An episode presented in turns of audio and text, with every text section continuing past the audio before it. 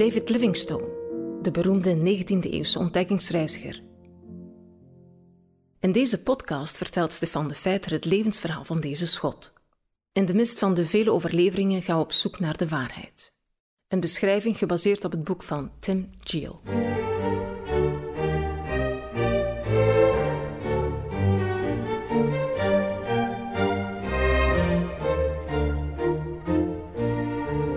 Livingstone, die intussen in Kuruman wacht op de komst van zijn begeleider Moffat, besluit een brief naar zijn zussen in Schotland te schrijven.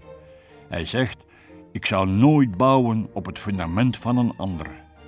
Ik zal het evangelie verkondigen voorbij het werkterrein van eerdere mannen. Hieruit blijkt nog niet per se dat hij geïnteresseerd is in exploratie, maar het werpt wel een moeilijke vraag op.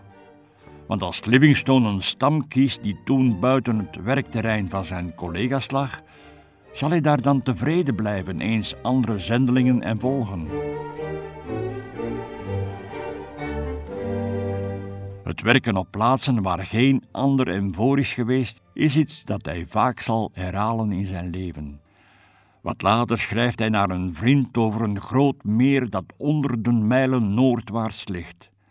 Een meer dat iedereen als eerste zou willen zien. Iedereen, zo geeft Livingstone in diezelfde brief toe, ook hij zelf. De schot is nog maar een maand in Kuruman als hij tot zijn verbazing en verrukking hoort dat Roger Edwards, de zendeling bij wie hij tijdelijk logeert, een reis zal maken om een nieuwe missiepost uit te zoeken. Edwards vraagt Livingstone of hij ook mee wil gaan, en uiteraard zegt hij geen nee. De reis die het paar in 1841 maakt, zal hem ertoe brengen om ook de twee daaropvolgende jaren twee reizen op eigen houtje te ondernemen.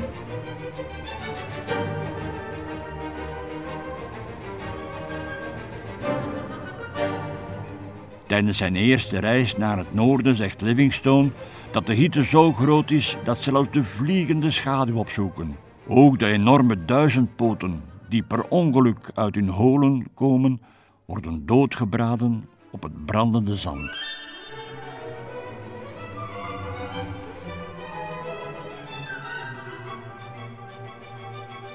Aanvankelijk vindt Livingstone de reacties van de Afrikanen op zijn huidskleur en gestel wel amusant.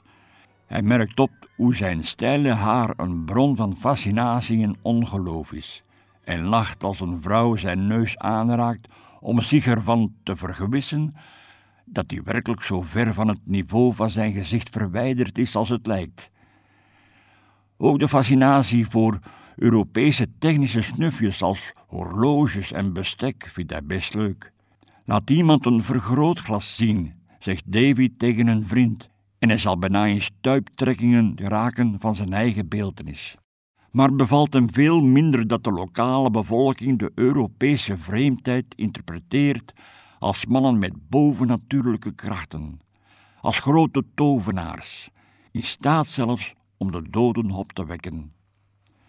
Hij realiseert zich dat dit soort macht misschien wel nuttig kan zijn om hen over te halen waterlopen te graven en kleine dammen te bouwen, maar vooral een vreselijke barrière opwerpt voor elke vorm van religieus onderwijs. Zelfs in Kuruman heeft hij gezien hoe mensen zich onder de banken in de kapel verstoppen om de blik van de prediker of in hun ogen tovenaar te ontwijken en soms zelfs schillend van angst het gebouw uitstormen.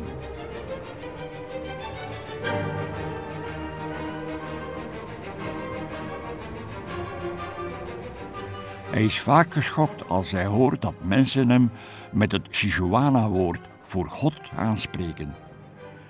Als hij tracht de Afrikanen het idee van bidden tot een onzichtbare godheid bij te brengen en vervolgens neerknielt om in de houding te tonen waarin christenen bidden, wordt hij uitgelachen.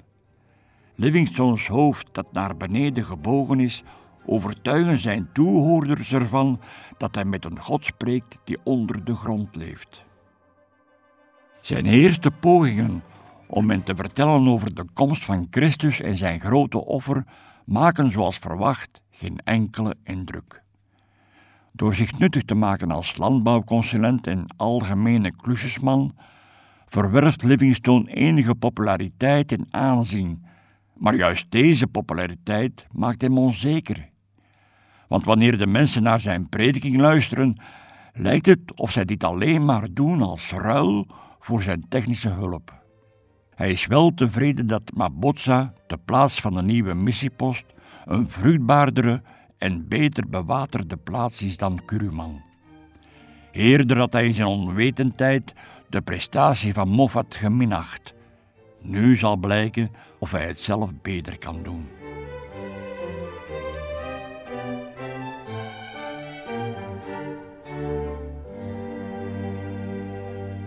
Dit was een podcast van TWR.